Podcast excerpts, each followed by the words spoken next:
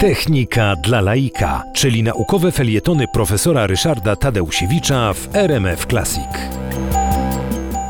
Sztuczne włókna, wcześniej już wytwarzane jako e, wiskoza czy e, sztuczny jedwab, e, ciągle jeszcze nie zaspokajały wszystkich potrzeb rynku konfekcyjnego i w związku z tym firma DuPont, działająca w Stanach Zjednoczonych, zaczęła szukać innych tworzyw, które mogłyby zastępować włókna naturalne. No właśnie jedwab, właśnie bawełnę. W 1930 roku e, Wallace Home Quarters e, w tej firmie DuPont poszukiwał nowych tworzyw. E, robił to bardzo wytrwale, ale bez powodzenia. Tak dalece się tym zestresował i tak dalece się zraził, że po czterech latach badań w 1934 roku wytworzył kolejne tworzywo, jedno z tam z bardzo wielu, które próbował, ale nawet nie sprawdził, czy to jest dobre tworzywo, czy nie, tylko po prostu odstawił taką, e, taką kolbę z tym tworzywem i, no i zajął się czymś innym.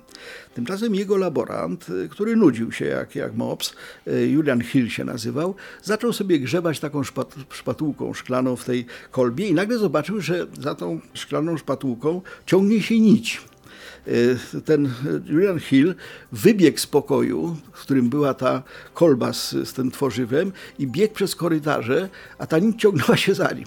Kilkadziesiąt metrów wyciągnął z jednej kropli takie bardzo, bardzo długie włókno. No więc stwierdzono, że odkryto coś niesłychanie pożytecznego. Rzeczywiście to było tworzywo, ponieważ powstało w Nowym Jorku, więc wobec tego NY, czyli ny lon y, powstał właśnie jako ten, ten polimer. Trzeba powiedzieć, że nylon trafił w przemysł w ogóle konfekcyjny, ale zwłaszcza pończochy.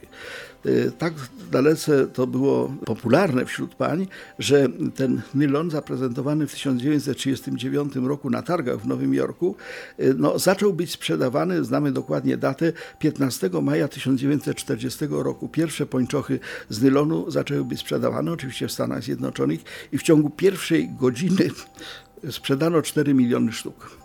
No więc w związku z tym wszyscy byli szczęśliwi.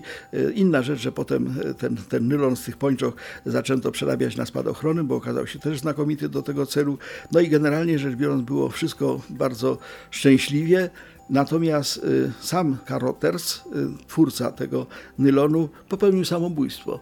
Z jego zapisków wynikało, że jak sobie uświadomił, że wejdzie do historii nauki jako twórca nowych pończoch kobiecych, to nie mógł tego wytrzymać i się zabił.